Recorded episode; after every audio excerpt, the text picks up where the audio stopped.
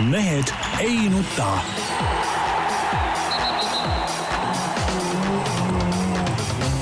mehed ei nuta. selle eest, et mehed ei nutaks, kannab hoolt Unibet, mängijatelt mängijatele.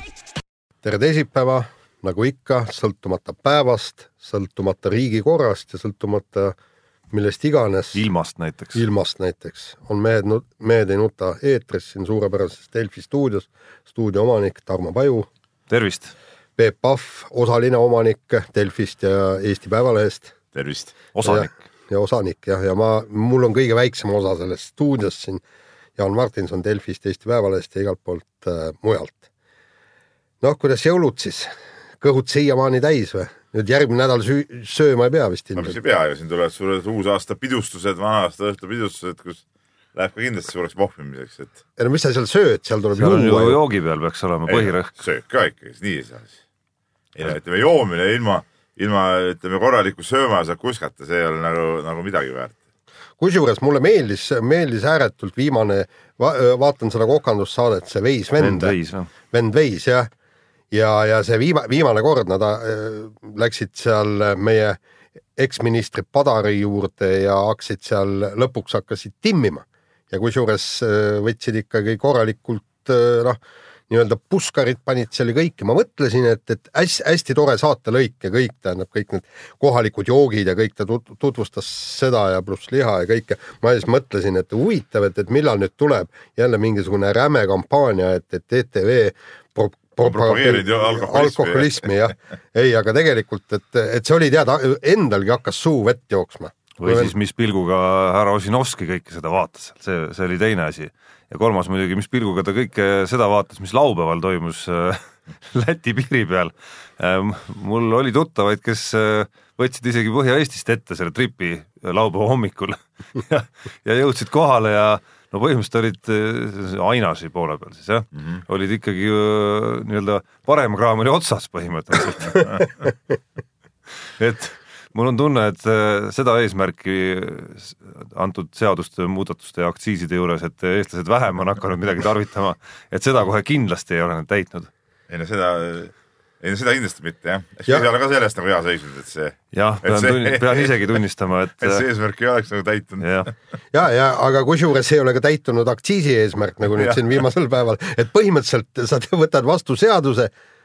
ja ükski neist eesmärkidest ei täitu. ei täitu, raha tuleb vähem ja Eesti rahvas joob ikkagi rohkem ainult selle pealt, nii et, et palju õnne siis meie tarkadele poliitikutele. kusjuures ääretult lahe uudis tuli ka, kas nüüd täna või eile, et see oksendav siil, mis oli siis ja. väidetavalt Eesti märk, et sellega lõpetati ka nüüd jamamine ära. kogu see raha, mis sinna selle väljatöötamisse ja selle käkerdise joonistamisse kulutati, on siis nagu keegi on palga kätte saanud, aga kõik on hästi, aga kasu mitte midagi ja see on ikka tüüpiline, et riigi rahaga tehakse no mingist täielikku jura, no ma, ma, ma ei kujuta ette, et, et mõni erafirma, tähendab, kui sa pead ise nagu mingit business'it ajama, kõik oleks niisuguse oksendava siili välja mõelnud. jumal, kui, kui tuleks seal mingisugune disainer või kes iganes tuleks sellega ülemuse juurde, vot näed, ma mõtlesin, et siin on niisugune kihvt firma logo oleks niisugune. no eks neid ikka tuleb erafirmades ka ette, Peep, sa isegi mäletad siin logo ja slogani mingit yeah. väljatöötamisi, et ei, tuleb ikka. No, lihtsalt selle vahega lihtsalt, et siis käib see kõik äh, omaniku rahakoti peal yeah., mitte, mitte rahva rahakoti peal. kes nagu ütleme, teeb siukse käki, ütleme, seal nagu pikka pidu ei ole. no põhimõtteliselt ega see, see kodanik, kes tuligi oma äh, sloganit nagu meile tutvustama, mäletad seal Postimehe Posti, Postimehe ajal, see oli see jõulupeol, eks. pidu väga pikaks ei kujunenud et põhimõtteliselt ongi nii, aga noh, ma kujutan ette, et, et need oksendava siili vennad saavad varsti järgmise papi peale ja, ja hakkavad siis. ikka jälle kedagi. aga noh, Tarmole see ju sobib, noh, see ongi see euronoorte värk. ja ikka, ikka ikka, ikka. on vaja ikka Tarmole ära torgata siin nii. noh, spordi juurde räägime spordist ja, ja räägime siis äh, vahepeal muidugi tuli... enne kui me lähme, see oli, ma mäletan, meil aastatetagune põhiteema jõulude ajal, mille me saates ette võtsime, kuidas ikkagi jõulude ajal sporti jube vähe teha, tehakse ja, ja pakutakse rahvale. ei saa salata, et äh, nende kodus oldud päevade peale nuriseks seegi kord tegelikult, et äh, sportlased võiks ikka rohkem äkkes olla sel ajal. ja siiski eile vaatasin äh, televiisoris KHL-i kohtumist Peterburis ka Magnitogorski, Magnitka vahel Ska võitis, Kovatšuk andis ühe väravasöödu, ütleme, oli rahul. no see vähevõitu ikka. aga noh, siis mingid no inglise okei okay,, täna õnneks, täna õnneks Inglises, Inglismaal on eile vist oli veel. mingeid mänge või? Eile vist ei sattunud küll, ei eile ei olnud minu arust ei no ei no jõuluõhtu läks eh, seekord ikka täiega täie ette, seepärast kell kaheksa õhtul algas loomulikult Ameerika jalgpalli no NFL-i. kõik mingid valed asjad, ühesõnaga. ei no mis mõttes KHL ja NFL ja mis valed asjad? mis mõttes? KHL ülim ju. mm. -hmm. muidugi, Peep. Ameerika vutt täiega. nii, nüüd võib minna edasi. Lähme spordi juurde, vahepeal tuli siis uudis, et Ford naases ma ei tea nüüd, ma, ma ei ole siiamaani aru sotti- saanud, kui jah, täiega ta saa-, naases, päris täiega ikka. mitte, mitte vist päris täiega, tähendab, ta jäi ikkagi see tiimi nimetus on noh, nagu M-sport, Ford Rally Team. jah, no isegi sellest loeti midagi välja, et eespool on M-sport ja tagapool Ford. no just täpselt jah, aga, aga selge see, et, et mingisugune papp sinna taha pandi ja kindlasti mitte väike küll, aga seda ei teinud siis, nagu ma saan jällegi aru, et, et mitte ematehas Ameerikas, vaid siis Ford Euroopa hakkab nüüd finantseerima seda rallitiimi ja noh, eks ta ole niisugune kahetine, eks, et üks on, üks on väga hea, et, et, et see raha nii-öelda ralli juurde tuleb, aga teine on paha see, et, et praegu hakatakse finantseerima nii-öelda Ott Tänaku konkurenti. nojah, me nii ei saa nagu mõelda, nagu me tahaks niimoodi mõelda, et ühtegi Ott Tänaku konkurenti finantseeritakse, siis lõpuks olekski nii, kui Ott Tänak saaks nagu üksi seda rallit, et noh, et siukest MM-i me ju ka ei taha, et pigem meil just ongi huvitav see, et viimastel aastatel nüüd ongi olnud nagu põnevam, et on need äh, tiimid olnud ja on sõitjad olnud ja on nagu lahedam olnud äh, seda asja vaadata, et selles suhtes mina küll ainult aplodeerin selle, selle peale, et äh, Ford natuke kõvemini taga on, et see vähemalt nagu tagab ikkagi selle, et see tiim, noh, küll see tiim oleks niisama ka muidugi püsima jäänud, aga aga, aga nüüd ta püsib kindlasti kauem ja tugevamalt. no ralli, ralli MM-sari võidab ju vaieldamatult, sest igal juhul, kui suured autotootjad ükskõik mis mahus siis kasvõi natukenegi on kas tagasi tulemas või tulnud tagasi. no vaata, siin on jällegi öö, halb on see Fordi nii-öelda toetamine jälle selle seisukoha pealt, eks, et Citroen on nagu tundub praegu ikkagi kõige kehvem nii-öelda fin- finantsiliselt tiim, enne, enne ta oleks vähemalt noh, mingisugunegi kuidagimoodi selle M-spordiga niisugune mingil määral võrdne, eks. aga, aga nüüd selgub, et nad lähevadki ainult kahe autoga välja, kolmandat autot nagu välja panda, vot see on see kõige suurem oht, et see Ci- Citroen ühel hetkel öö, loobub sellest rallist ja vot see oleks jama. selles suhtes on ka mõistetav, et, et Citroenil on kehvad, kehvad seisud ja, ja et see tehas võib-olla tahaks nagu seda finantse vähemaks tõmmata, tulemusi ka pole olnud. no jaa, aga noh, ütleme pärast seda, kui Sebastian Loeb loobus, ei ole Citroenil ju mingeid resultaate olnud enam. no jaa, aga vaata seal, seal oligi see, et, et mis näitab äh, kehva majanduslikku seisu, vaata nad võtsid ühe vaheaasta, kui nad arendasid ja. uut autot, millest äh, midagi välja ei tulnud, kõik tiimid ju, teised sõitsid ju edasi ja võitlesid MM-tiitli pärast, Citroen seda ei teinud, ainult üksikutel rallidel öö, osales. jah, ootused nende suhtes olid muidugi lõppenud, lõppeva aasta, lõppenud hooaja suhtes ju päris kõrged, ega me isegi siin arutasime, et oh, tulevad ja panevad ja teevad ja on ja nii edasi, eks ole, no noh, mitte tühjagi. aga ei tulnud nagu midagi, no kaks võitu tuli, aga, aga noh, see ei ole nagu, ei ole nagu midagi erilist. aga huvitav, kui nüüd see Fordi tehase nimi oleks sinna tiimi nimesse sulandunud varem ehk siis enne seda hooaja lõppu ja, või, või siis õigemini enne seda, kui Ott Tänak allkirjastas lepingu Toyotaga. huvitav, kas Ott oleks ka siis lahkunud? ma arvan küll, sest et ma olen nagu, ma olen aru saanud ikkagi seal Toyotas on suhteliselt eh, ta enda jaoks nagu selge nägemus, et mis, mis seal aastatega juhtuma hakkab ja, ja, ja nagu ta ise korduvalt öelnud, see on nagu pikem, pikem projekt ja pikem eh, plaan, et, et eh, küll ta oli selle nagu endale ideeks ikkagi võtnud, et et sinna läheb ja teadis, mis teda ees ootab, et see, et kas nüüd see Fordi mingi Euroopa tehas või keegi teine siin tuleb mingil määral taha, see, ma, ma usun, et see ei mõjutanud teda. Ja teine asi on, on muidugi, piisavalt, ma saan aru, see on piisavalt ähmane ka ikkagi see, see seos seal ja praegu räägitakse ju ikkagi ainult äh, aastast kaks tuhat kaheksateist. ei no ma usun, et, et tavaliselt tehas nagu üheks aastaks ei tule, Jaa, ei ole seda pointi nagu. aga teine, teine asi on ka see, et, et eks Ott Tänak sai ka aru, et, et ilmselgelt on Jari-Mati Latvalat lihtsam üle sõita kui Sebastian Ogieri. ja, ja ma arvan, Latvala võib arvata, staatuse poolest on erineva, erineva kaalukategooria mehed, noh. no just ja, ja te, teine asi on see, et, ma arvan, et, et siin väga, väga kiirelt äh, selgub, kes on selle tiimi esisõitja ja kui nüüd Tänak nagu suudaks natukenegi äh, Latvalast eespool olla, sest ühe, ühel hetkel ikkagi tuleb hakata kedagi aitama. sest et ütleme, M-spordis ta oleks igal juhul alustanud hooaega teise numbrina, aga praegu nagu ma aru saan, Toyotas alustavad ikka võrdse joone pealt. ja isegi siis, kui ta näiteks MM-sarjas oleks võib-olla kümne, viieteist, kahekümne punktiga Ožeest e eespool Jah. olnud, ikkagi oleks Ožee see ei oleks seda aidanud ikkagi nii palju jah. ja, jah, noh, samas nad ju päris võrdse joone peal Latvalaga ei ole kindlasti, et Latvalal mingid eelised vaieldamatult on olemas, kuna ta selle autoroolis on sõitnud. ei, selles suhtes küll, aga ma ütlen nagu ütleme, et nagu nii suhtumises, ütleme, hierarhias, hierarhias loomulikult on ta jah, aga ma ise kahtlustan, et tal esimestel rallidel ei ole väga lihtne siiski Latvalaga nagu võrdset samas kiirust, samas näidata. M-spordis oli just ju selle hooajal oli temal nagu lihtsam võrreldes Ožeeriga, eks ole hierarhias oli ikkagi jälle vahe jälle tohutu ja see, see teda ka häiris, seda on ju ka hooajärgsetes intervjuudes ju toonitanud ka. ja natukene huvitav on see Jari-Mati Latvala plõksimine viimasel ajal, esimene, mis ta hakkas äh, haukuma, et, et öö, tema ei anna Ott Tänakule esinumbri kohta, teiseks ta plõksis, et Tänak ei saa selle autoga kohe kindlasti hakkama esialgu, tal peab kohanema, nüüd ta ütles lööbi kohta, et noh, et mis see vanamees sinna sarja ronib, et, et ta ei ole kindlasti e- endisel tasemel. no aga mis sa siis ootad, et Latvala tuleks ja ütleks, et näed, Ott, et äh, esisõitja koht on sinu oma, ei mina, mis mina siin, mina nii kehv mees, ega mina Oti vastu ei saa. Sellist juttu ootaks. ei, ma, ma ootaks seda, et, et, et vend ütleb, näed, me oleme mõlemad alustame nullist, meil on mõlemal null punkti ja vaatame, et no aga sisuliselt ta seda ju No jaa, sisuliselt ta seda ju ütlebki, et ma ei, ma ei kavatse võitluseta seda kohta Otile anda. eks tal ikka närv on sees, see on nagu selgem, selgem. ma ei tea, teisalt mul on tunne, et te loete välja või Jaan vähemalt tahab lugeda ka igast lausest midagi nagu välja, kust võib-olla ei ole seda tegelikult sees, et küsitakse mees, nagu küsitakse ja mees vastab lihtsalt. Ei no jaa, aga no Ott ei plõksi niimoodi. No Ott aga- ei hakka ütlema, et ah, mis see kuradi ma Latval, ma, ma olen niikuinii esimene vend seal ja Ja ei ütle, et- eks ta ütles küll, et tahab ikka esinumber olla. no tahab olla, see on kaks eri asja. ja Soome meedia loeks seda intervjuud, kus Ott võtab selle, ütleb selle lause, võtab selle lause sealt välja ja siis võib-olla vaatavad soomlased ka, oi mis, mis see Ott plõksib siin, noh et tegelikult ma ei tea, minu arust see väga suur plõksimine ei ole ka täiesti tavaline jutt siiski. aga ootame jaanuari, siis on Monte Carlos avastart. ja lähme nüüd järgmise osa kiire vahemängu juurde ja ja nüüd see mingid Instagramid ja, ja asjad ja Peebul on ka kusjuures. minul ei ole. ma rõhutan, minul ei ole. Peebu telefonis on rakendus, milleks nimeks Instagram. aga ma rõhutan veel kord, see on siiski ainult Delfi spordi Instagrami. sa võiksid teha täna postituse siit stuudiost praegu, kuhu? Delfi spordi Instagrami. see on tegelikult keeruline.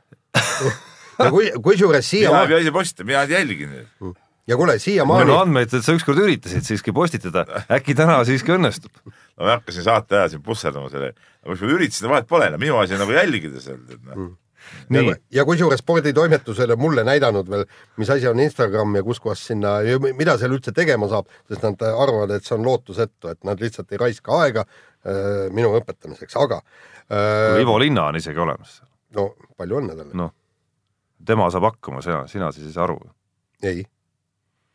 nii, aga küll on no ei selge, eks ta on ju vana Nemo turniiri mees ka. no absoluutselt, Tiba- nokib tiba- ikkagi tiba- tiba, tiba teine tase, jah.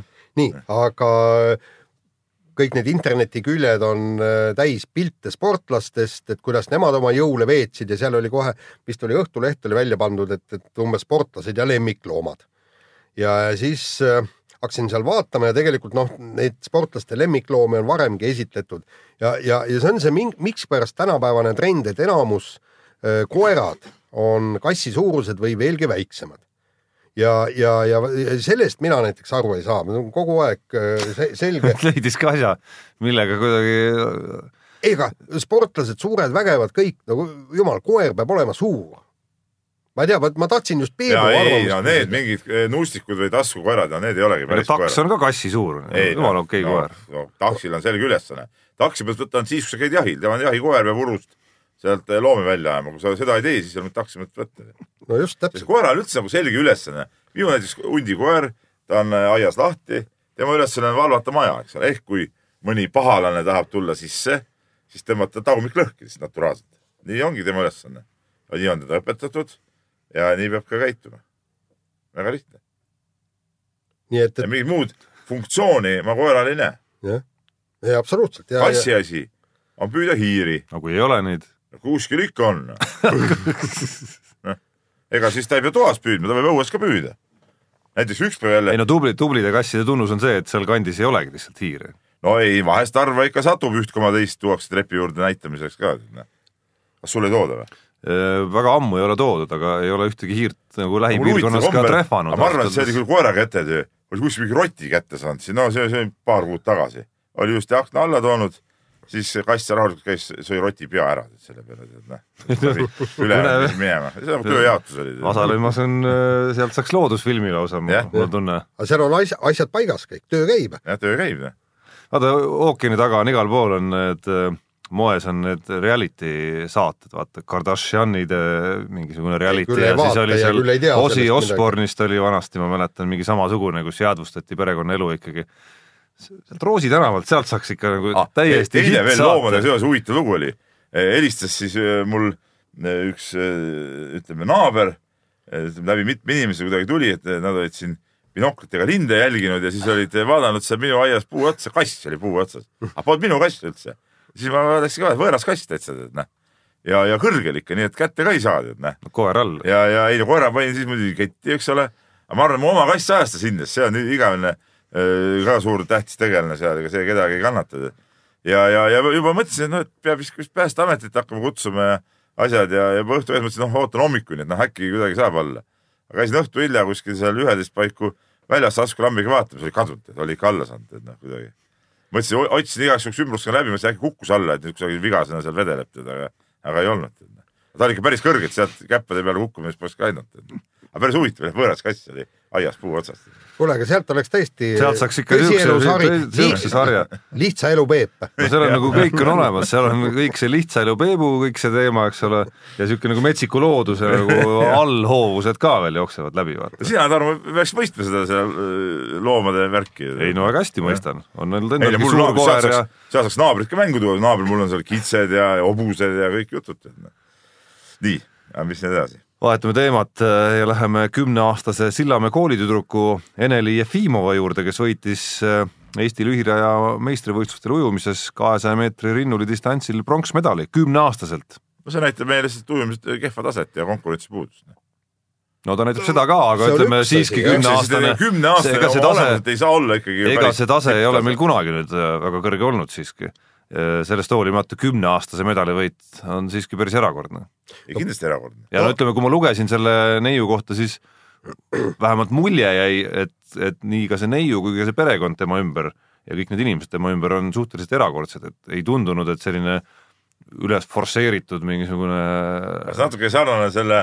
üles forsseeritud laps, vaid ikkagi Jah, laps, kes lihtsalt on tohutult palju teinud sporti ja väga erinevaid alasid kusjuures. no täpselt, sama muster joonistab välja. muster Ja piirkond on ka sama, eks ole. jah, ja piirkond täpselt sama ja selle Lunal, kes see imejooksja oli, kes vii, naiste viies tuhandes sai Eestikatel kuuenda koha, kuigi tükk aega juhtis ja, ja ja, ja treeneri väitel oleks tegelikult, kui ta oleks mõistlikult jooksnud, oleks pidanud hõbeda saama ja, ja mis mind kõige rohkem selle juures häirib, et ma ei tea, kuidas nüüd ujujad siia sellesse kõik suhtuvad, kuidas nad edasi käituvad. et minu meelest oleks ikkagi alaliit ja, ja treenerid ja kõik peaksid tegelikult esialgu selgeks tegema, et, et kas meil on tõesti üles forsseeritud tüübiga tegu või siis ongi tõesti loodusliku ja loomuliku talendiga. ja kui sul on ikkagi niisugune talent käes, siis tuleks ju teda järjepidevalt edasi arendama hakata ja vaadata just, et, et ta, teda üle ei forsseeritaks ja, ja, ja tuua ta nii-öelda kunagi tippsporti ja, ja see, see, see nii peaks käima, aga nagu ma selle Luna puhul tean, Kergejõustikuliitu ei huvita, ütles, et noh, las ta veel jookseb, eks ku- ku- kunagi tulevikus näitab, eks. ma ei tea, kuidas nüüd selle kümneaastase ujujaga toimitakse. no sama selle, kas see kümneaastast nüüd noh, No ainus- vägisi midagi arendama hakkama, et ta peabki mi- alguses ikkagi loomulikku rada pidi arenema. aga sul silm peab olema peal, et teda ei hakataks üle forsseerima, see on punkt üks ja punkt kaks tuleb ikkagi vaadata, et tal oleks ka mis tingimused. hoovad on nagu alaliidul vaadata, et kedagi üle ei forsseeri? ei, aga kindlasti annad väikse toet, ei no mis, mis hoovad on alaliidul jälgida seda, et kedagi üle ei ma forsseeri? räägingi, hoovad on olemas. sa, sa võtad ta alaliidu talendiprogrammi vastu, palud treeneritel, et ta öö, aitaks ja kooskõlastataks treeningplaanid ja Kellega? looks ta. mis mõttes? kellega kooskõlastatakse? kooskõlastatakse talendiprogrammi treeneritega. on siukest olemas või? no kui ei ole, siis tuleb luua ja, ja see on üks mis asi ma, pean, ütleme, kui ma olen nüüd see tüdruku treener, mis ma pean kellegi kooskõlastama, mina ise teen seda. ei no aga noh, Ei, sinu aga- huvi, miks, miks su huvi peaks olema need kõik äh, aga nõuandjad eemale tõrjuda? talendiprogrammi treener on mingi targem, noh? ei, ei pruugi olla ju. Ma veel kord räägin, ega talendiprogrammi treener ei sea treeningplaane, aga hoiab silma peal, aga kolmas asi, milleni ma ei jõudnud, sa segad kogu aeg vahele, on see, et, et luua talle tingimused. kui tal on vaja laagrites käia, kui tal on tõesti vaja seal noh, mida iganes, ma ei, praegu ei oska ma nagu seda ja vot ja vot siis ongi see kahepoolne koostöö.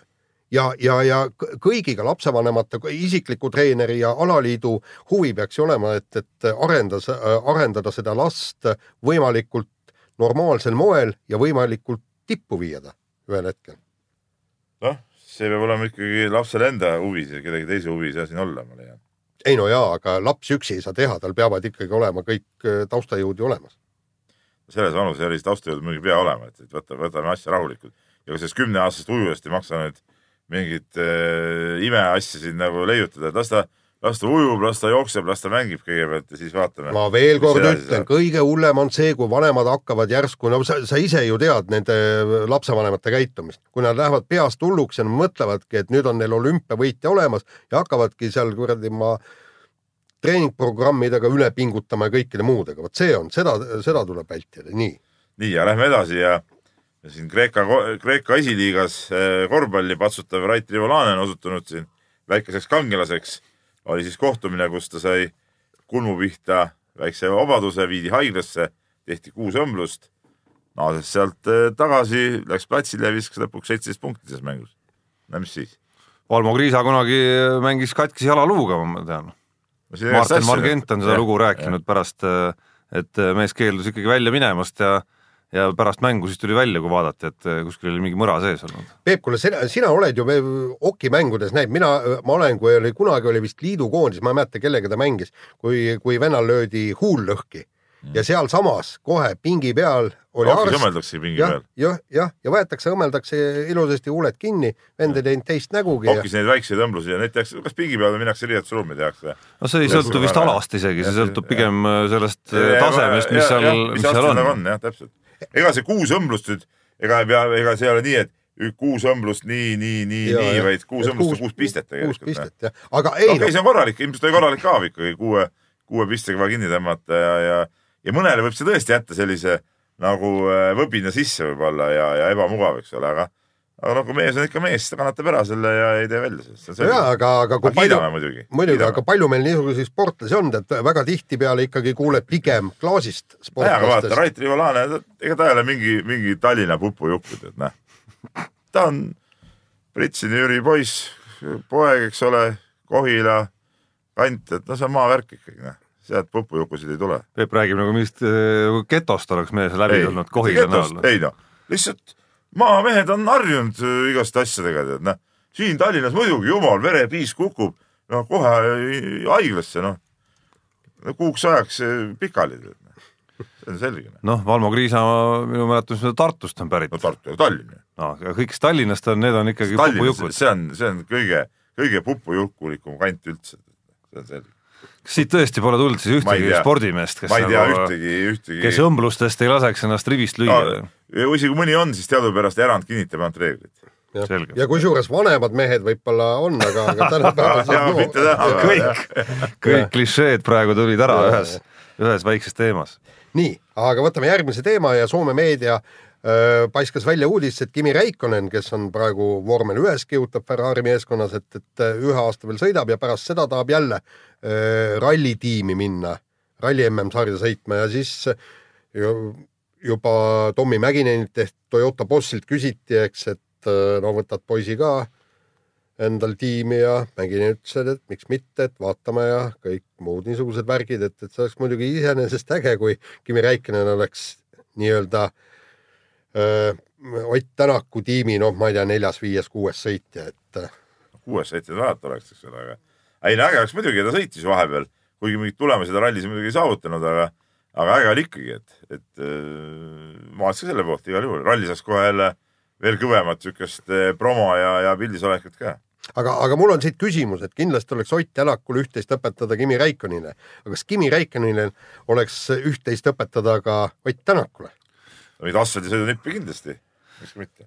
noh, võiks ju esimese hooga mõelda, et oleks midagi hoopis nagu sõiduvälist õpetada, aga mulle tundub, et mis puudutab sellist ütleme suhtlus, suhtlust ja suhtlusstiili ja meediaga suhtlemist ja kõike, et seal, seal Ott valdab neid võtteid ise ja sama hästi kui Kimi Raikkonen, et ka sellist, ütleme no kuidas öelda, järsku ei ütlemist ja kõike, kõike seda poolt. äkki lõgastusprotsessidest nagu äh, suudaks nagu mingeid nippe arvad, et Otil ei ole need käpas või? ei, ma ei tea, aga, aga Raikose kohta on ju ikka igast imelugusid räägitud.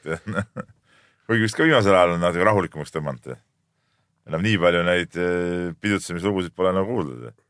aga samas oleks muidugi selles mõttes oleks ajakirjanikele oleks kindlasti äge, kui ta nüüd äh, tõesti hakkaks WRC sarja kasvõi sõitma mõnedel rallidel, et minna ja proovida temaga mõni intervjuu teha, et noh, ma arvan, et see oleks äge.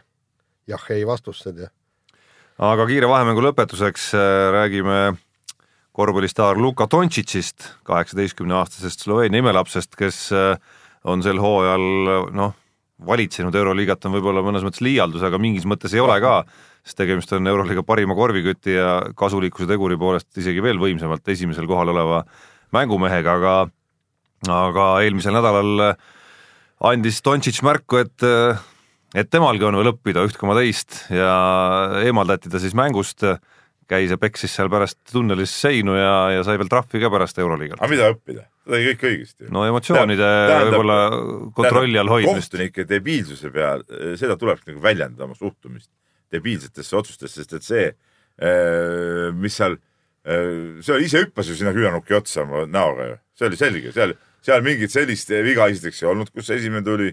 No ma seda teist olukorda. Nõus. seal tuli mingi tehniline, Ei, see oli ütlemise peale, seal läks ütlemise peale.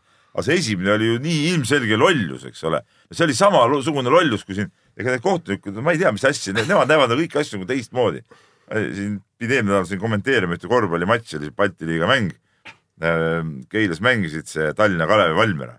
see ka Kristo Saar keset platsi, noh mängis üks-üks ühe noore Läti poisi vastu. lätlane tegi mingi imeliku liigutuse, oleks vastu nägu saanud ja kohe võeti nagu äh, see äh, ebasportlik viga sealt, eks ole, et noh, tegelikult mitte midagi ei olnud, ma pärast veel vaatasime kordusest järgi ka, no mitte midagi tegelikult ei olnudki, tead noh, aga kohtunikud ikka, nemad ikka näevad mingeid, oli seal mingit küünarnukilööki ja ma ei tea, mis asju nad seal leiutasid. sama asi oli selle Dončitši olukord, küünarnukilöök, noh, mis löök seal oli, mees läks viskele, teine jooksis sisse, teine oleks pidanud eba, see Tibor Pleiss, kes see oli vist, jah, et oleks pidanud selle ebasportliku saama, sest et ta ri- rikkus ju rünnaku ära ja seal rammis sisse, seal mingit palli mängimist ei olnud. mis aga puutub see seina peksmist, noh, ega siin me keegi, no okei okay,, Jaani ma ei tea, aga ei sina ega mina pole patus puhtad. sina lõid, eks ole, Õhtulehes, korrus allpool, mäletame kõik sporditoimetuses vihaseks said, sul oli see kast, millest me oleme ka rääkinud, tagunud, ükskord purustasid ka seina, ütleme, sein läks sissepoole. ja isegi ma mäletan, ükskord Tartus olin, või õigemini see oli, see oli seal Tartu maakonnas, seal Otepää Sihval mängisime valdade Spartakiaadi Tartu vastu ja Tartu kohtunikud vilistasid mulle ebaõiglaselt kiirelt neli viga siis äh, läksin pingile, tundsin, et, et kurat, kurat, enam ei saa olla, läksin välja, mõtlesin, vaatasin kivisein, mõtlesin, et panen jalaga vastu seina, tuli jälle küprak jalgast läbi seina.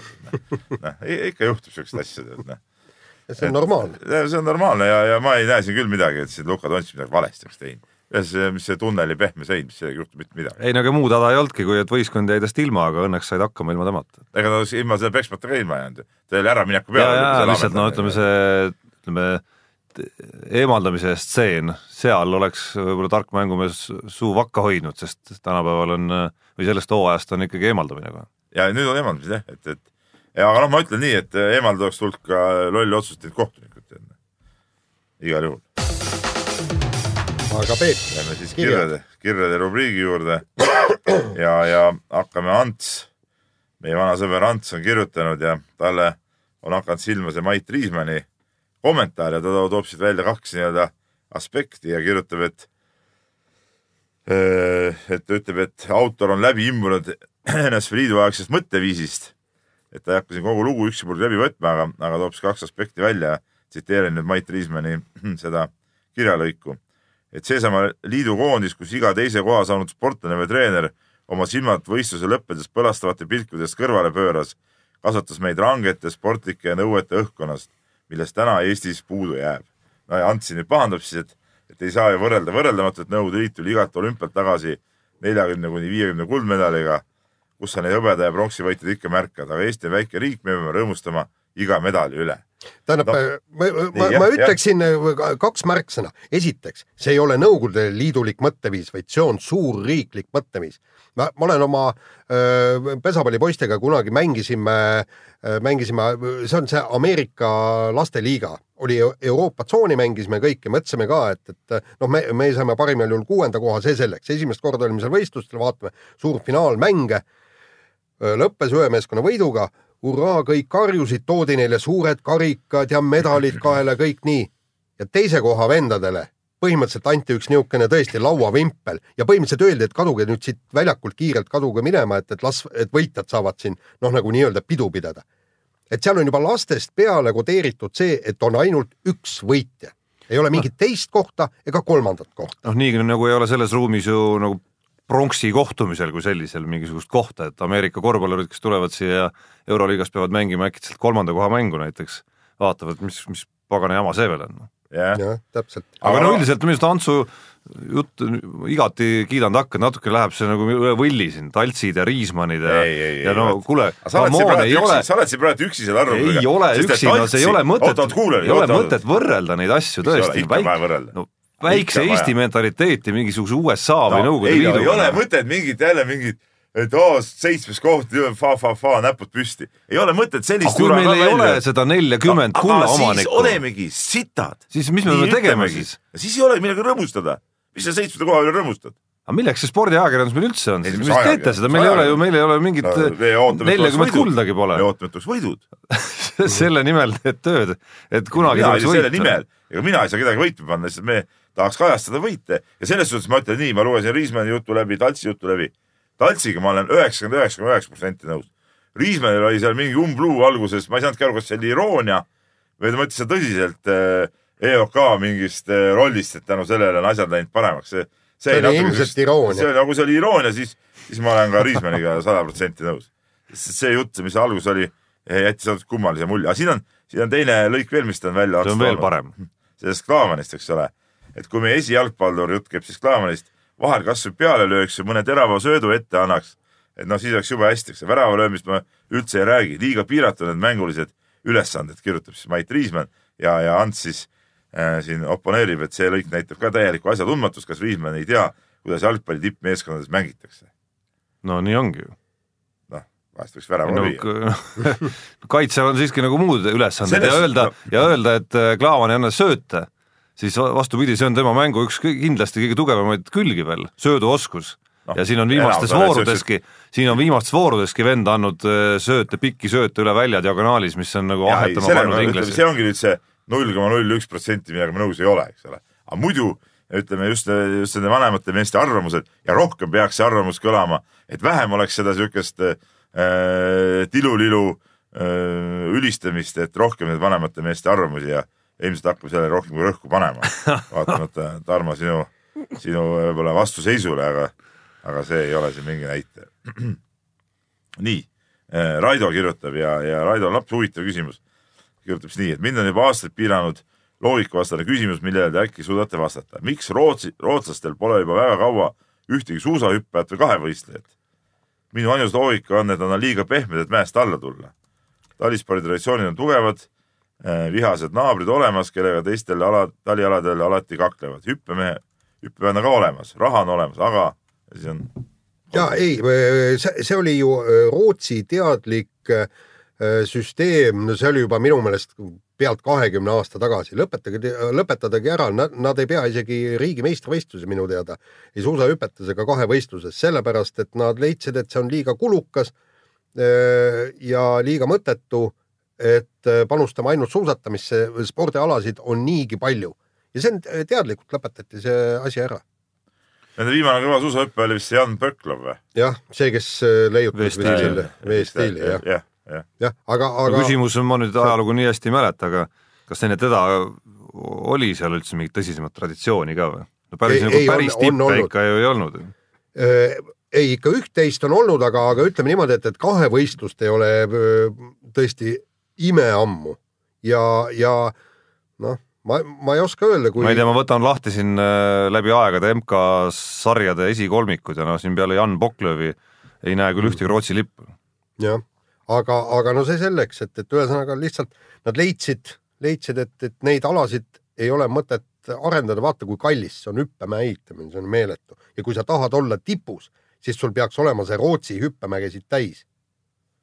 Soomelgi, vaata hüppemägesid on ja kus nad on, mitte midagi, kuskil mitte, null on nende suusahüpe praegu kaasal, noh, seda jah, ega see alati ei, ei taga neid asju. no just, no näed, viiekümne teisest aastast leidsin ühe, ühe medalimehe olümpialt suusahüpetes no see on traditsioonid ju.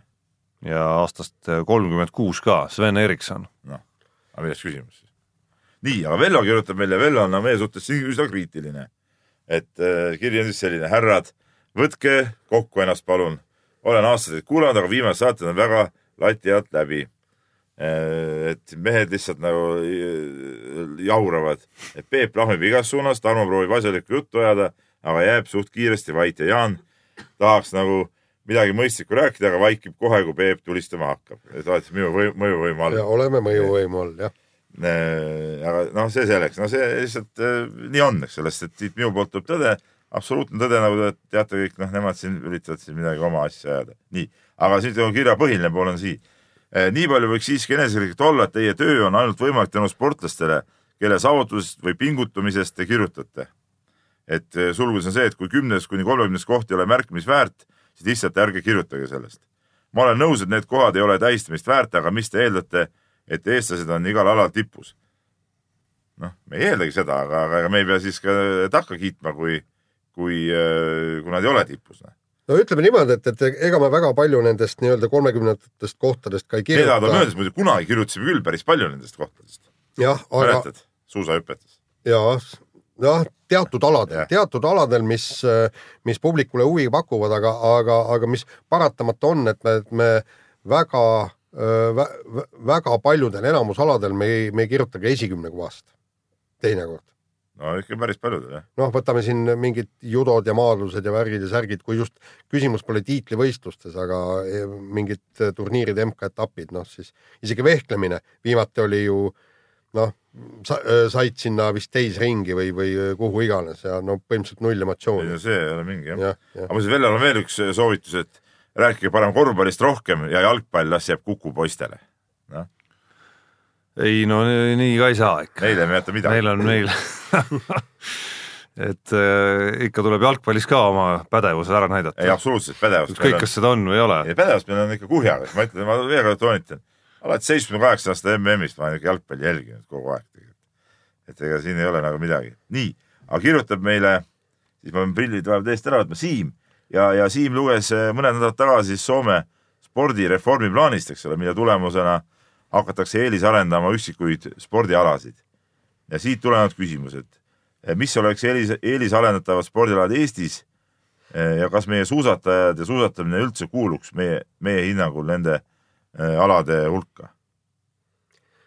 no ma olen ka seda, seda Soome uut süsteemi üsna põhjalikult siin uurinud ja, ja praegusel hetkel, kuidas neil on so- soomlastel, nad, nad vaatavad täpselt üle öö, need spordialad, kus on olemas punkt üks traditsioonid, punkt kaks on treenerite ka- kaader, punkt kolm treenimisvõimalused ja punkt neli siis, siis ka sportlased olemas. nii, üksikutel aladel arend-, arendatakse tippe, näiteks kui ta ei ole eelisarendatava alaga tegu, aga sealt tuleb mingisugune juunior välja, siis ongi, toetus ongi suunatud otseselt temale ja tema treenerile, mitte alaliidule. et palun, kui sa jõuad mingisugusele tasemele, siis me toetame sind täiega, aga me ei toeta alaliitu. ja mis nüüd suusatamisse puutub, siis tänases seisus ma arvan, et äh, suusatamine ei pääseks nende eelisarendavate alade hulka.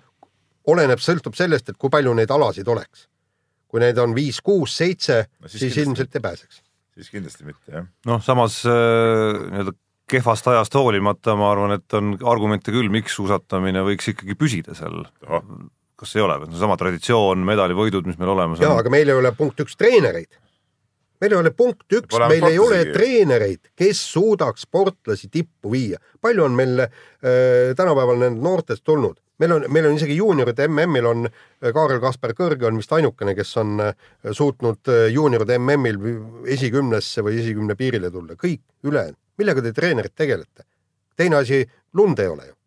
meil ei ole, meil ei ole finantsvõimekust saata oma suusatajaid tegelikult Kesk-Euroopasse. no kui määrata ala eelisarendatavaks, siis just see võimekus peaks tekkima, ütleme, kui me tahaksime, et suusatamine või ma ei tea, kahevõistlus või laskesuusatamine, ükskõik mis, mille me valime sealt, ta oleks eelisarendatav ja see määratakse, siis noh, see eeldus võikski olla, et tänu sellele hakkabki mingi seltskond ikkagi aastaringselt lumel olema ükskõik kus maailma otsas seda lund ka ei leita. ei, absoluutselt, see oleks väga hea, aga no, veel... meil on mõtet eelisarendada ala, mida me siin sisuliselt ei saagi harrastada, see on nagu omaette. ei no see, see, see ei ole probleem, tähendab, ma arvan, et äh, meil ikkagi mingi lumi siin ikkagi on ja talvel me üht-teist saame siin teha, aga, aga ma räägin, et, et kõige, kõige olulisem probleem on see, et treenerite puudumine. meil on Anti Saarepuu, kes on ilma hariduseta treener, on äh, sisuliselt Eesti koondise peatreener, eks ja, ja, ja, ja vaadake eh, noorte tulemusi, meil ei ole ka noorte tule, noorte treenereid, kes suudaks sportlasi viia absoluutsesse tippu. no tegelikult lähme kirjaga edasi, Siimul on muuseas eh, ka teine küsimus. Anatoli Šmigun. no tema on kahevõistluse treener. ei no okei okay,, aga ta on olemas suusatreener, kes on eh, tõestanud, et ta on suuteline viima oma hoolealust maailma tippu. jah no,, aga läheks siis edasi, et on kirjas ka teine, teine küsimus ja nägi siis eh, Siim hiljuti sotsiaalmeedias nukrat pilti Sander Pärnast taustainfoga, et see aasta on lõpetatud sisuliselt töötuna. Ja küsibki siis eh, Siim meie käest, et millised on meie mehe järgmise aasta võimalused, jutt käib siis rallimees Sander Pärnast. no minul ei ole infot. sul, jah. et nii ongi noh, et ütleme nii, et ei osutunud eh, siis nii kõvaks sõidumeheks, et mingeid võimalusi teenida noh, järelikult et eks seal oli neid äpardusi ka palju ja, ja see rallimaailm on ikkagi karm, et, et kui sa ei suuda nagu üldse äh, mingil tasemel läbi lüüa ennast, no siis ei ole nagu mingit ootustki. Noh. et ega neid Eesti mehi, kes oma võib-olla sõiduoskus meil nagu tundub, et võiks, äh, võiksid kuskile jõuda, on, on lisaks Sander Pärnale pakub välja isegi, isegi võib-olla siin paremaid mehi, eks ole, aga ei ole ka kuhugi saanud no näiteks kõige rohkem kahju on Karl Krudast, kes, kes oli Hyundai's oli siis selle nii-öelda noore piloodi äh, katsetel jõudis finaali, nagu ma olen kuulnud ja, ja kaotas siis soomlasel napilt, et tema oleks saanud rahulikult sõita WRC kaks sarjas tänavu näidata oma võimekust, et see on kurb, et meil talendid kaotsi lähevad, aga paraku ei ole siin mitte kui midagi teha. ei ole midagi teha, jah. nii, lähme edasi. Lähme edasi järgmise osaga ja kõigepealt räägime ujumisest ja äh, ja kui me rääkisime varem siin kümneaastasest äh, tüdrukust, kes Estikatel medaleid äh, võidab, siis nüüd räägime Gregor Tsirgist, kes on, kes on äh, samuti noor, küll veidikene vanem kui kümneaastane. kaheksateist. kaheksateist, aga tegi täiesti tõhusa etteaste Euroopa lühiraja meistrivõistlustel, saades neljanda koha ja olles veel finaalis. vist oli seitsmes koht tuli ka talle, et, et mingisugune lootus, et me hakkame kunagi taas medaleid võitma si, siiski on, et, et ujumises on olnud küllaltki pikk paus, kui on Haljandid lõpetanud. noh, ütleme niimoodi, et, et Haljandi Liivamägi, eks nemad, nemad juba vanaks jäänud, Triin Haljand lõpetas mitmed tüdrukud, kes siin eh, medaleid noppisid, et, et ma arvan, et, et kas järgmisel, ülejärgmisel EM-il juba tulevad sirgilt no,. Need, need, need lühiraja medalid, eks ole, eks ole, aga päris, kui me räägime nagu päris medalitest, siis Äh, mina küll ei julge nagu ennustada, et, et kindlasti päris äh, basseinis hakkavad meil medalid tulema. no mingi kauaoodatud äh, hüpe või hüpeke see Gregor Sirgilt oli. vaieldamatult oli, et et ikkagi nendel kohtadel ta ei ole ujunud varem ja, ja siin selles mõttes ei maksa, ma arvan jällegi, tuleb seesama debati koht jälle sisse ja see et kas siis rõõmustada neljanda koha üle või saata ta kuidagi piinlikult kuskile sinna Türki tagasi, on ju. no see et..., mina selle lühiraja neljanda koha üle, ma just ausalt, ma siin mingit erilist rõõmu veel küll ei tundnud, et kui see oleks pika basseini neljas koht, siis ma oleks küll öelnud juba, et okei okay,, et noor poiss areneb, varsti võib-olla tuleb medal ka, et, et tubli. aga, aga rõõmukoht minu arust ongi just see, et, et vähemalt eemalt vaadates tundus mõnda aega, et et sellist nagu loodetud arenguhüpet või kõverat nagu ei tulnud seal pärast seda, kui ta väga noorelt juba välja ilmus. aga, aga nüüd on, nüüd sai siis nagu nii-öelda käegakatsutavalt näha, et et, et see töö hakkab vilja kandma ja, ja kui lugeda seda, mida Gregor Sirk ise on juurde rääkinud veel oma, oma esinemisele seal, siis mul jäi selles mõttes väga sümpaatne mulje, et ega ta ise noh, ei teinud sellest neljandast või seitsmendast kohast küll mingit numbrit seal Ei enam, vaid põhijutt keskenduski sellele, et äh, eesmärk on saada esimeseks Eesti ujujaks, kes ikkagi suudab pikas basseinis nüüd midagi teha. et noh, see, see oligi tema puhul nagu minu silmis jälle kõige sihuke positiivsem äh, tähelepanek üldse, et ta võttiski seda sise, seda mitte sise, vaid äh, lühirajabasseini ujumist nagu, nagu lihtsalt mingi tavalise asjana, et, et ja, ja ei, ei hakanud nagu ennast üles push ima. et see näitab nagu tõsise spordimehe olemust tegelikult. ja tõdes ka ise, et, et see lühiraja EM on ütleme, suurvõistluste hierarhias ikkagi see kõige, kõige nagu lahjem, lahjem ikkagi. Jaa, aga samas, samas on tal ju suurepärased kuigi, vabandust korra, seal tippe, kellega ta konkureeris, oli seal ju küll ja küll. jah. Aga küll ja küll, aga ikka palju oli neid puudu ka, eks. jah, aga, aga see on hea, et tal on äh, väga head treeningtingimused, ta on Türgi äh, profiklubis, saab harjutada. Küll, aga noh, ütleme niimoodi, kui, kui noor reporter Madis tegi intervjuu ja küsis tuleviku järgi, et mis alasid sa kavatsed nüüd, aladele kavatsed keskenduda, siis oli sada liblikat ja sada krooli, no ütleme niimoodi, et sada, sajas kroolis võita nüüd medalit või oodata läbilöök, see peaks ikka päris ime, see on nagu, see on nagu kergejõustik saja meetri jooks ju põhimõtteliselt, noh. kõige, kõige siuksem äh, kuninglik maa. aga Livlikat ujub hästi ja sada Livlikat ja mine sa tea, kui ta tõsiselt tõesti keskendub ühele, ühele alale, et äh, siis võib äkki midagi tulevikus korda saata, igal juhul hoiame kõvasti pöialt. aga pöialt hoiame me kindlasti vähemalt meie Peebuga ja ma usun, et Eestis korvpallifänne on veel päris palju, kes hoiavad äh, meeskonnale nimega Kaunase Žalgiris, kes siis sellel hooajal Euroliigas on äh, no ikkagi nagu üle ootuste ja kohati isegi nagu müstiliselt hästi mängimas. mina olen Žalgiris pealt ka siis, kui nad ei mängi nii hästi.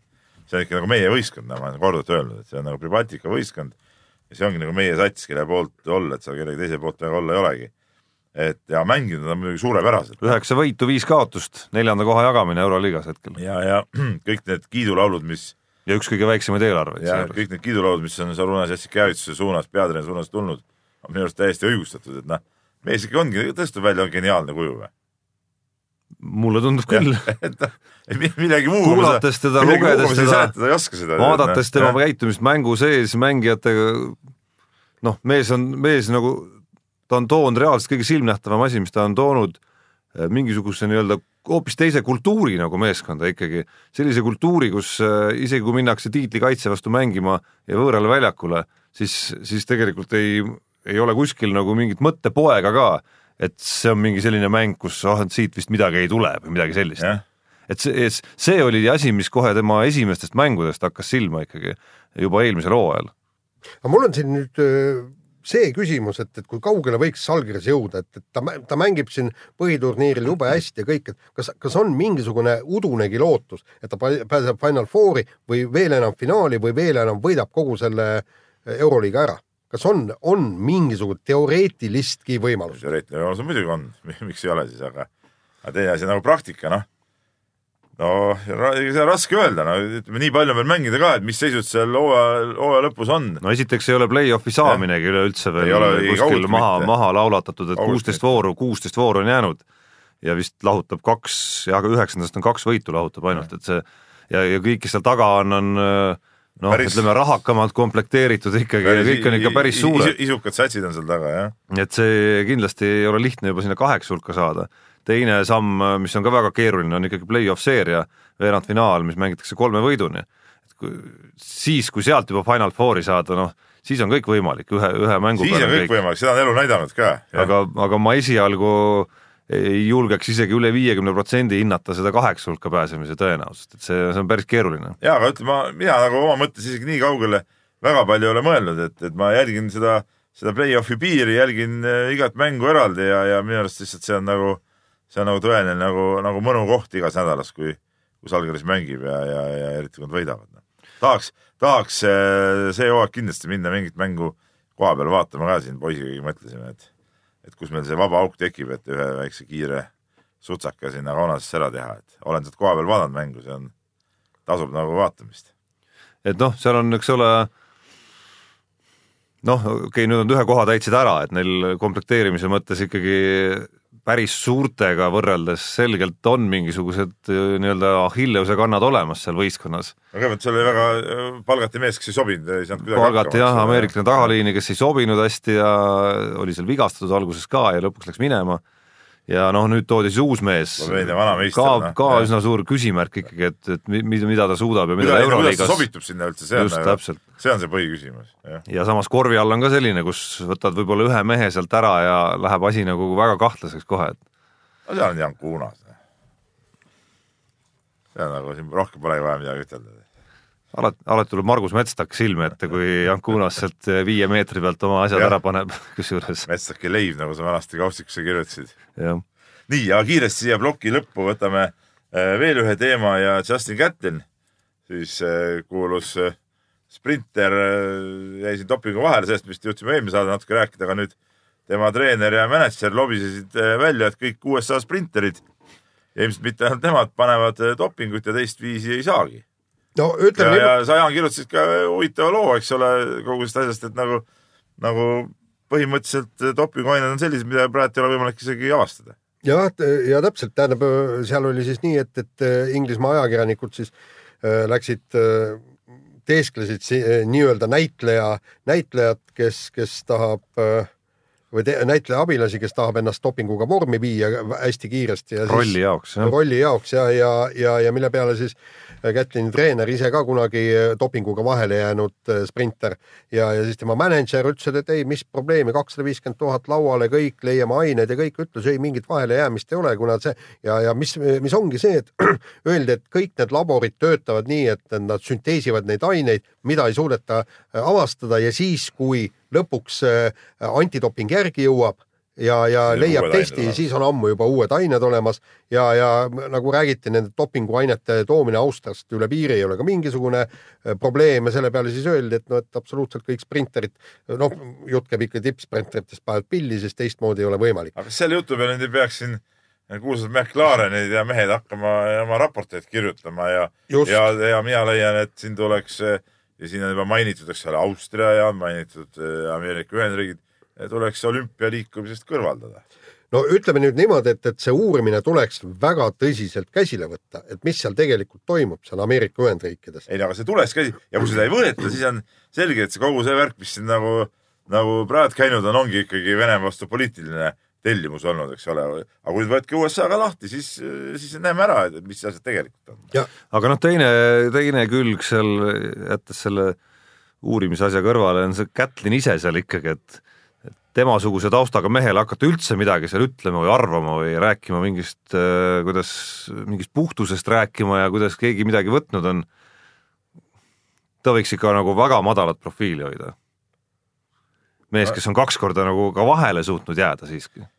ei, ei seda muidugi, seda muidugi, aga minu arust just see kõige, selle loo kõige tähtsam küsimus on ikkagi see üldise süsteemi väljauurimine. see on nagu, see on nagu võtmeasi siin praegu. ja, ja tegelikult noh, ma olen lugenud siin ka artikleid, mis väga tõsiselt kahtlevad, et äh, kas tõesti Ameerika spordiametnikud, spordisüsteem, antidoping, kes, kes on tõesti noh, neil on uurimisvõimekus, juurdlusvõimekus on päris suur, et seda kõike ei tea. et kõik ajavad silmaks suurust, tõesti või? et kui need ajakirjanikud nii lihtsalt avastasid selle, eks ole. jah, täpselt. aga võtame nüüd viimase teema ja, ja räägime natukene talispordist. vahepeal meil oli siin eh, paar sõna sellest räägitud ka, aga lumega on meil kitsas käes, et, et Lõuna-Eestis ikka üht-teist on, aga, aga see Tallinn on ikka täiesti, täiesti lumest lage ja mis kõige hullem on see, et, et ei ole ka külma, et, et saaks seda lund toota ja kahevõistluse MK-etapp on, ma ei tea, kuivõrd ohus ta nüüd on, et peab täna uurima ei natukene. no homme, homme, ei ülehomme otsustatakse. üle, ülehomme tuleb ja ohus otsus. on ta just selle hüppemehe tõttu, ega suusarada on ju olemas. no ja ka öeldi vähemalt, et võistlusteks väga ei kannata, aga no, no okei okay,, ma ära rääkisin sööda. viimati äh, reede peale lõunat ja siis oli igatahes info selline, et, et suusaraja saaks isegi väiksema ringi peal, seal on isegi reservi veel, kus sai väiksemaks tõmmata, aga küsimus on just see äh, hüppemäe maandumisnõlv, mida, mida noh, ütleme tavalise lumega ära ei kata ja kus on tarvis kunstlund praegu juurde igal juhul, aga seda teha ei saa, et see on nagu see võtmekoht ja, ja otsus võetakse vastu äh, siis äh, neljapäeval läheb kogu see komisjon sinna kokku ja neljapäeval antakse siis võib-olla reede hommikul avalikustatakse, aga, aga neljapäeva õhtul tehakse otsus ära. no ühe kuu ilmaprognoose üldiselt ei maksa väga tõsiselt võtta, et et siin piirkonnas öeldakse, et paar-kolm päeva on selline, mis noh, veel kannatab mingisugust, aga huvi pärast võtta, võtta siit lahti venelaste ilmaennustus, kes pakub seda kuuprognoosi, noh, selle parima teadmise pealt, siis ütleme nii, et noh, kuu aja peale on siin ikkagi päevased temperatuurid kõik plussis peaaegu, noh, üksikud päevad ma näen miinuskraade siin. ja ei no täpselt kõige lihtsam võtta- ja vihma ka veel korralikult. Tarmo, sa oled ka iPhone'i mees nagu minagi, kõige lihtsam võtta see iPhone'i ilmateade lahti, mis üldjuhul on üsna täpne tegelikult, ma olen vaadanud oma selle kodukoha järgi, päris täpselt ütleb ette ära, millal sadama hakkab ja asjad. See näitab ka ära, et ainult vihmasaad, sajud ja, ja pluss äh, kraadid, ma mõtlen Otepääl. noh, meil nagunii mingit lund ei ole, et praegu sealkandis, eilegi sai kadedusega vaadata mingeid pilte ja, ja videolõike, kus, kus Otepääl ja Haanjas seal suusatati. Haanjas suusatavad küll, et, et aga, aga, aga paraku jah, see vihm, vihm vist ka lähipäevil on igatahes ka sinna peale tulemas, nii et, nii et äh, see teebki selle asja keeruliseks. ja no mis meie jaoks siis teeb asja keerulisemaks see, et meil ei ole mingeid mägesid ka, et kui kui osa riike ikkagi äh, kuskil seal Euroopa poole peal pääsevad sellega, et neil on mäestikud olemas, kus siis suusasporti saab ka harrastada edasi, siis Eestis pole seda ka võtta kuskilt ja pole, pole ka mingisugust nagu nii-öelda kaugpõhja võtta, mis soomlastel olemas on. ja norralastel ja rootslastel kõikidel, et, et tegelikult siin ongi noh, no okei okay,, keegi ei saa ju seda otsustada ja öelda, et, et äh, lõppude lõpuks lõpetame selle suusatamise toetamise ja tõmbame selle, need äh, alad nagu nimekirjast maha, aga tegelikult äh, noh, ei, aga miks ka mitte, mina olen seda mõelnud ma arvan, et see ilm teeb oma töö lihtsalt lõpuks ise ära. eelmine nädal käisin korra Tartus, seal rääkisin ka Tartu Ülikooli keha, kehalise kasvatuse nende käest teadja inimestega, jutt oli ka koolisuusatamisest seal ja, ja, ja siis mina jõudsin ka selle arusaamiseni, et, et miks suusatamist enam koolis pole, noh, meil pole lund ja asja, et et lähiperspektiivis ongi see, et selle ala ikkagi totaalne kadumine aga see toimubki ju loomulikku teed et- pidi ja juba sealt see algabki pihta, kui kasvab üles või kasvavad üles põlvkonnad lapsi, kes noh, sellise talve, talvede puhul ei saagi kunagi ju isegi vaatad, endal on suusad olemas ja. ja ka huvi suusatada. ja siis viimastel aastatel heal juhul korra või paar jõuadki lumele. Et selleks sõita Lõuna-Eestisse, eks ole, kuigi siin tegelikult ju rajad on ju kõik siin ka olemas, aga neid radu kasutada ei saa. aga muide, muidugi me käisime jõulu, jõuluõhtul eel, tähendab jõululõunal nii-öelda käisime vanalinnas, vaatasime seda kuulsat Tallinna kuuske ja siis me läksime, mul lapsed ja lapselapsed läksid uisutama sinna ja mis oli tegelikult oli üsna meeldiv, oli see, et, et see oli ikka massiliselt lapsi täis, see, mis Harjumäel. Harjumäel, jah, see uisuplats. Et äh, ja, ja rõõmuga uisutati ja, ja lapselapsed ka said uisud jalga ja na- neil oli nii vahva, ei tahtnud sealt üldse ära tulla, et, et jällegi näete, lapsed saab liikuma uisuväljakule, ainukene asi, et neid uisuväljakuid on vähe. ja ma kujutan, uisuväljaku tegemine, sest niivõrd kallis nagu. no kui sa looduslikku teha ei saa, siis on ta nagu teistpidi, on, käib ta ikkagi paljudele kohtadele üle jõu. noh. just, aga, aga siin Tallinnaski, Tallinnaski võiks olla oluliselt rohkem neid, neid nii-öelda äh, täisväljakuid ja muidugi., ja, ja lapsed käiks, pane veel, seal oli korralik muusika, sai sooja teed juua, seal noored käisid äh, käest kinni no, seal südamed põksumas ja, ja, ja, ja muide, mis mul oma pojaga tuli jutuks, mis on täiesti häbiväärne värk, on see, et, et näiteks neid äh, diskgolfi radasid selgub, et ikkagi Tallinnas ongi ainult üks korralik rada ja Tallinnas, kus on meil varsti juba pool miljonit inimest ja inimesed tahaks minna liikuma natukenegi, eks. ja, ja, ja ei anta võimalust, täpselt sama on aga ka jõuväljadega. puudutab, siis see ongi huvitav, jõululaupäeva eh, hommikul, noh, ütleme vanasti sai jõululaupäeval ikka, noh, mõtlesin ka teeme mingit sporti, käisid suusatamas ja kõik. nüüd polnud midagi, käisime poisiga, tegime Keila raja peal kaheksateist rada discgolfi ja noh, see on siis need jõulud siis. ja noh, no, neil täitsa rahulikult, kusjuures jumala kuiva jalaga, ilus ilm oli, hästi tuuline oli, ilus kuiv ilm. Nagu, nagu, nagu suvel käiks lihtsalt Oli, puud ei ole lehtest. ma käisin ise eile jooksmas Aruküla terviserajal ja täpselt sama. noh, et see nagu, nagu. Pind oli kuiv. tegelikult see on ikka nagu nukker ikkagi muidugi. noh, see nagu nagu totter ta on totter, noh, et talve enam ei ole on, kui talve pole noh? aga selle discgolfiga, see on minu arust hea tähelepanek, et äh, ka igasugu väiksemad omavalitsused ja väiksemad, noh, ma ei tea, külad, alevikud, mis iganes, kas või ma enda kodukandis utsitakse, et noh, enamikes kohtades on seda nii-öelda metsapinda küll, kuhu tegelikult rajada neid väljakuid ja see ei tohiks nii keeruline olla, kui kui kohalikud aktivistid ka veel. tegelikult. Tallinnas ei ole, Tallinnas on üks ainult. täiesti vabalt võiks rohkem olla, sest ma saan aru, et neid on palju küll, aga nad on ikkagi suht rahvast täis kogu seda aeg kui hooaeg on äh, nii-öelda tipppunktis. ja, ja kui soovitan käia nendel natuke, meie kandis seal, minu kandis, Vasamäe kandis on kaks tasulist rada ja need ei ole üldse nii täis, et seal on, mis see paar eurot sinna panna on siis ja, ja saad mängida rahulikult, ei ole üldse ülerahvastatud. no jaa, aga vaata siit ikkagi vaja jälle sõita ja kui sa, kui sa kuskil õhtul lähe, pärast tööd lähed, on ju sinna ja noh, see võtab aega, aga, aga just see, et, et Ta- Tallinna linnaaisadele südamele panna, et diskgolfi radu peaks siin olema umbes kümme.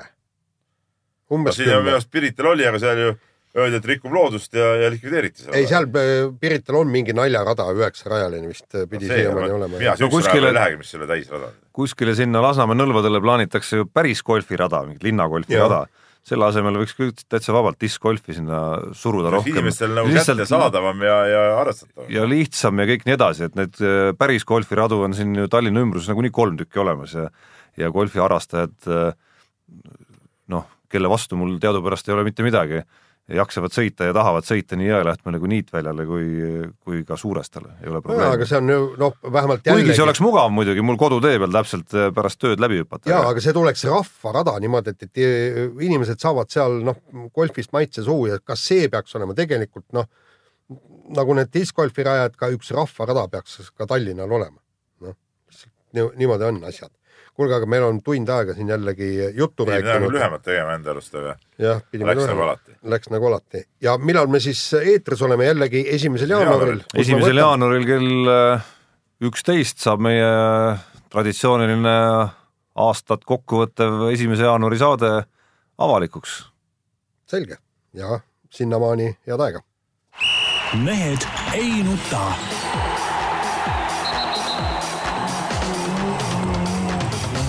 Mehed ei nuta